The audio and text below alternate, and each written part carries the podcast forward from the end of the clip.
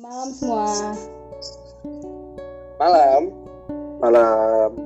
Jadi, seperti biasa nih kawan-kawan, aku akan menghadirkan podcast dan mengundang bintang tamu spesial. Dan untuk malam ini ada dua temanku. Nah, kalian boleh kenalan diri dulu dong. Halo, namaku Devan. Aku dari Masuk Kimia. Halo kawan-kawan ya, kawan cerita ya. Hmm. Aku Rafli, aku scientist. Uh, sebelumnya pengen tahu dulu dong, kalian nih kegiatan di permahasiswaan tuh apa sih? Kesibukan Wow, apa sih? aku sih kesibukannya namanya scientist juga eh, belajar ya, selalu belajar ya. Hal apa aja dipelajari lah gitu. Scientist, scientist itu enggak ini kok enggak yang belajar sains sains saja tapi semuanya dipelajari lah insya Allah gitu sih Wah, keren banget ya jadi saintis nih, berarti selalu belajar gitu ya kalau jadi saintis.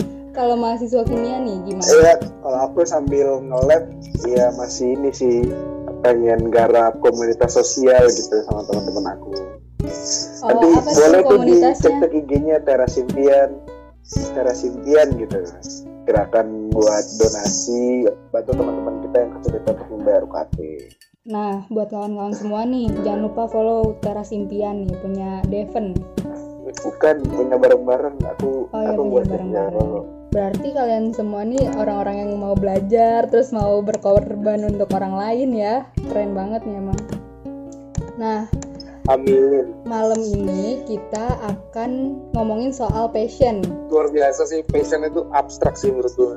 Lanjut Wah, abstraknya gimana tuh? aku mandang passion itu sesuatu hal yang kita senang buat ngelakuin itu ya bergairah buat ngelakuin tapi kalau menurutku sih abstrak itu soalnya kita juga sebenarnya belum tentu paham bener diri kita passionnya apa itu juga lagu betul butuh waktu yang lama untuk memahami passion kita kayak gitu hmm gitu. Eh, kalian setuju nggak kalau ada statement soal eh, do what you like, like what you do? Itu berkaitan dengan passion. aku setuju sih soalnya ketika kita melakukan passion atau menemukan passion kita kan dia kita harus merasa nyaman gitu dengan passion kita gitu. Oh ya tadi sempat denger nih kalau uh, passion itu ditemukannya dalam kurun waktu yang lama. Nah kurun waktu yang seberapa lama sih kalian untuk menemukan passion? Mungkin dari Depen dulu. Iya kalau dari aku sendiri sih eh, untuk menemukan passion memang membutuhkan waktu yang lama gitu loh. Aku pribadi baru ketemu passion itu mungkin sejak SMA gitu. Ketika kayak ngeliat orang-orang yang memang susah gitu, aku tergerak untuk membantu itu gitu. Dan aku mulai terapinnya sejak kuliah gitu. Karena memang terkadang passion itu bisa hadir dari pengalaman pribadi sendiri gitu. Hmm benar sih benar. Dari pengalaman itu kita jadi tertarik untuk membantu orang lain gitu ya. Betul. Tapi ada passion lain nggak selain yang tadi udah disebutin? Kayak mungkin uh, public speaking. Soalnya kan yang aku lihat nih kalian berdua tuh sangat aktif dalam keorganisasian ya. Sama tadi juga dibilang aktif di teras impian ya kan. Nah itu Iya. dari kegiatan kalian itu passion apa sih yang kalian temukan di situ? kalau dari aku kalau misalnya untuk organisasi itu kalau passion itu lebih ke arah kita bisa menganalisis karakter seseorang gitu bisa mengenal orang lebih dalam kayak gitu dengan cara ya kita berbincang ataupun eh, mengenali lebih dalam lah tentang dirinya pribadi gitu tapi kalau di teras sendiri ya itu berdasarkan pengalaman pribadiku sendiri gitu loh. Ketika memang kita kesusahan kita sebenarnya butuh tangan seseorang yang memang lebih mampu. Kalau dari Rafli gimana? mungkin dari yang tentang seberapa lama nemuin passion dulu kali ya Iya. Rapunzel ya. Jujur butuh cukup waktu yang sangat amat lama. Bahkan mungkin sekarang gue bisa bilang gue belum nemuin passion gue yang kayak oke ini passion gue gitu. Gue juga belum I'm not sure gitu loh dengan passion yang sedang gue lakuin sekarang gitu. Tapi kalau digiring ke arah sosial tadi bersangkutan dengan aktif di teras impian juga ya mungkin itu gue bukan menganggap itu sebagai passion yang gue passion banget gitu enggak. Basic gue berpikir gini aja kalau soal gerakan sosial sih. Alhamdulillah gue diberikan rezeki yang lebih oleh Tuhan melalui orang tua gue dan kenapa nggak uh, rezeki yang bisa gue nikmati ini harusnya juga bisa dinikmati dengan orang lain juga. Ya kalau gue berpikirnya sih sesimpel itu aja. So tapi balik ke passion tadi itu sebenarnya sampai sekarang ini gue juga masih ngelakuin hal-hal yang lain ya. Uh, gue coba buka bisnis terus gue coba ikut organisasi.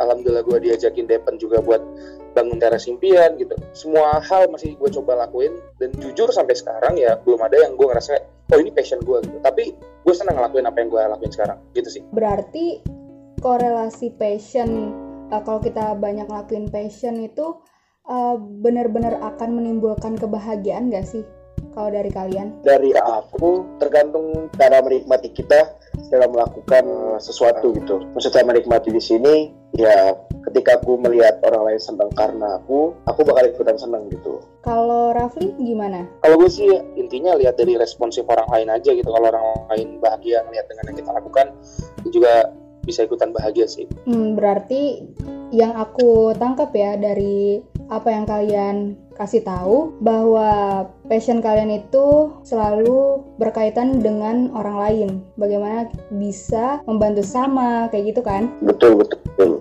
Kalau gue dengan hal yang gue lakuin itu gue senang. Menurut kalian nih korelasi passion sama kebahagiaan tuh definisinya menurut kalian itu gimana? Kalau dari gue karena memang sejatinya manusia itu makhluk sosial ya ketika gue berguna dan bermanfaat bagi dunia sosial bagi orang sosial, orang sekitar ya gue bakal bahagia gitu kalau kata orang bahagia itu diciptakan sendiri gue sepakat dengan itu tapi gue lebih melihat bahagia ini gue lebih senang dengan quotes bahagia itu sederhana gitu tapi gue tambahin sedikit ya bahagia itu sederhana tapi kompleks gitu karena uh, menurut gue satu-satunya kata yang fit dengan bahagia itu ya cukup gitu. Ketika kita merasa cukup itu kita bahagia gitu.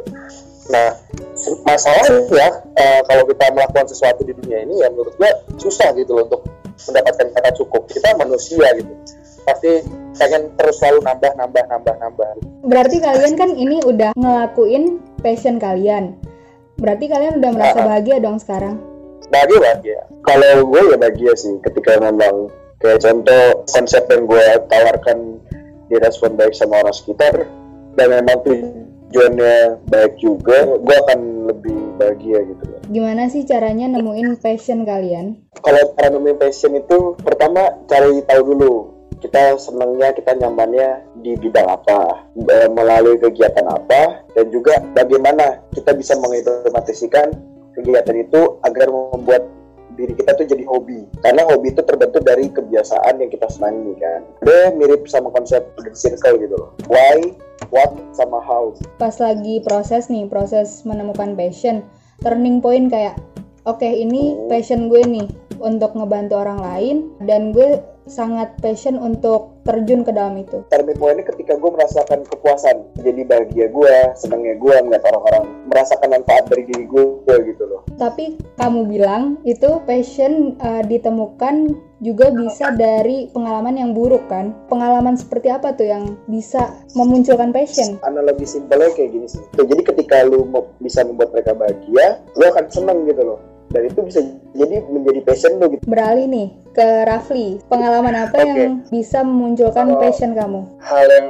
bisa kita lakukan untuk menemukan passion kita adalah hal yang gue lakuin sekarang ya gue lakukan lakukan dan lakukan gitu. Apa aja gue coba lakuin gitu. Gue coba ikut organisasi gue coba baca-baca tentang ke pengetahuan sains gitu kan berbisnis ria gitu. Oke gue coba. Oh kayaknya gue cocok nih buat jadi pembicara public speaker. Gue gue coba semua hal. Gue gak peduli ntar hasilnya maksimal atau apa penting gue lakukan. Tapi ada nggak dari percobaan-percobaan kamu soal tadi ya yang passion itu? Ada nggak yang ternyata kok kayaknya bukan passion ya gitu jujur ada gitu. Dulu pernah sempat kepikiran karena zamannya waktu kelas 1 sampai kelas 2 SMA mungkin ya itu pernah kepikiran kayaknya oh ntar coba pengen jadi ustadz penceramah gitu. Tapi ternyata setelah gue coba tapi mohon maaf oh diri gue ternyata nggak cocok buat jadi penceramah itu tadi kayak gitu. Banyak juga kan yang bilang kita itu harus bisa realistis ya kan? Nggak bisa yang melulu ngikutin passion. Bisa jadi gak sesuai apa yang terjadi di kehidupan nyata apa yang dibutuhin sama perusahaan. Tanggapan kalian soal itu gimana nih? Ketika passion yang kita semua lakukan itu tidak fit and proper dengan kebutuhan di perusahaan mana pun menurut gue jangan quit dari passion itu gitu loh. Karena bagaimana kita bisa menghasilkan itu bukan hanya dari perusahaan tersebut gitu loh. Bisa jadi passion yang sudah kita temukan ini jauh lebih banyak menghasilkannya daripada kita masuk ke perusahaan tersebut gitu. Kalau Dewan gimana nih? Kalau seperti yang gue bilang di awal tadi sih, ketika memang passion kita mempunyai tujuan baik, pasti akan dimudahkan dalam segala cara sih. Nah ketika memang kita ditolak nih dalam perusahaan gitu, pasti lo akan nemuin cara gitu, gimana cara mengembangkan passion lo. Gitu. Jadi nggak melulu soal angka ya? Kalau menurut gue kita nggak nggak usah munafik lah gitu loh. Emang memang kita juga pasti mempedulikan angka dalam dalam hal gaji kita gitu kan, pendapatan kita. Tapi baik lagi melakukan sesuatu dapat gaji gede tapi kita tidak suka, tertekan, ya buat apa gitu loh. Hidup kan juga cuma sekali kan. Ih, emang deh, keren. Hidup cuma sekali. Luar biasa. Aku juga pengen tahu passion apa yang menurut kalian tuh sangat menjanjikan untuk masa depan nanti. Walaupun kita masih muda ya, cuman mungkin dari preferensi kalian, pengalaman kalian gitu. Nah, itu bisa tuh dibagikan passion yang paling menjanjikan di masa depan? Yang bisa uh, gue lihat mungkin kayaknya kalau sekarang tuh ya kayak zaman gadget, mungkin di bidang IT gitu, di bidang IT ataupun teknologi itu sangat berguna menurut gue gitu. Iya sih benar-benar. Kalau Rafli? Semua passion itu sebenarnya bisa menjanjikan asal ditekuni gitu. Tapi menurut gue ada kriteria orang yang bakalan bisa menjadi orang yang menjanjikan di masa depan gitu. Salah seorang profesor pernah berbicara sama gue ketika orang menguasai tiga hal ini, maka dia akan bisa survive bahkan melejit di masa depan.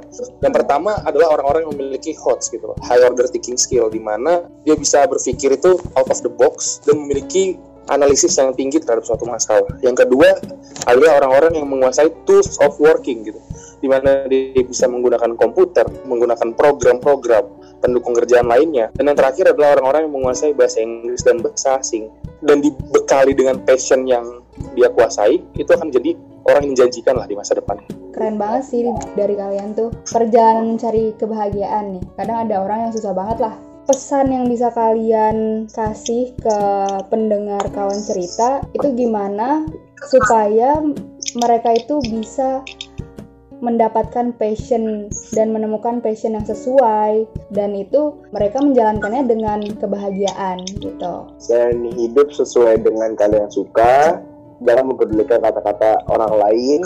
Kalau memang mempedulikan, jangan sampai di, eh, mereka mengubah dari prinsip hidupmu. Ketika memang kritik itu diperlukan menjadi check and balance dalam kehidupan sehari-hari, tidak untuk mengubah 100% apa yang ada dalam otakmu dan yang pasti jangan lupa bersyukur.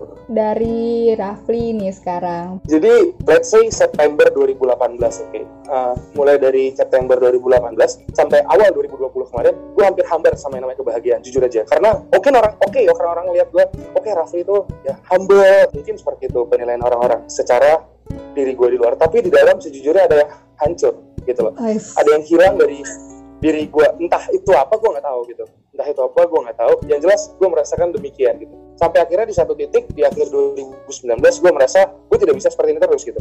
Karena hal-hal yang gue pikirkan itu menghancurkan gue dan masa depan gue gue merasa seperti itu. So gue berusaha bangkit di awal 2020 kemarin melanjutkan hidup lah supaya tidak toksik lagi hidup gue memikirkan hal-hal yang gue bilang uh, hal-hal yang membuat gue hambar dengan bahagia dari mulai September 2018 itu. Dulu alhamdulillah kenal lagi dengan bahagia dan gue bisa bisa menjadikan itu pelajaran dan motivasi gue untuk melanjutkan hidup. Nah pesan buat kawan-kawan semua, tinggalinlah hal-hal yang membuat hidup kalian berasa toksik, tinggalkanlah hal-hal yang membuat hidup kalian hancur gitu. Masa lalu itu dijadikan pelajaran buat di masa depan, jangan disesali karena menyesali itu gak ada gunanya. Tapi emang bener loh, pikiran itu bisa menghancurkan kita sedemikian rupanya kayak gitu loh. Makasih ya buat kalian berdua nih udah ngobrol bareng terus nge-share pengalaman kalian. Kalau aku simpulin nih dari omongan mereka, jangan pernah berhenti untuk mencoba banyak hal. Kalau misalkan passion atau apa yang kalian lakukan tuh sekiranya kurang nyenengin, ya udah nggak apa-apa.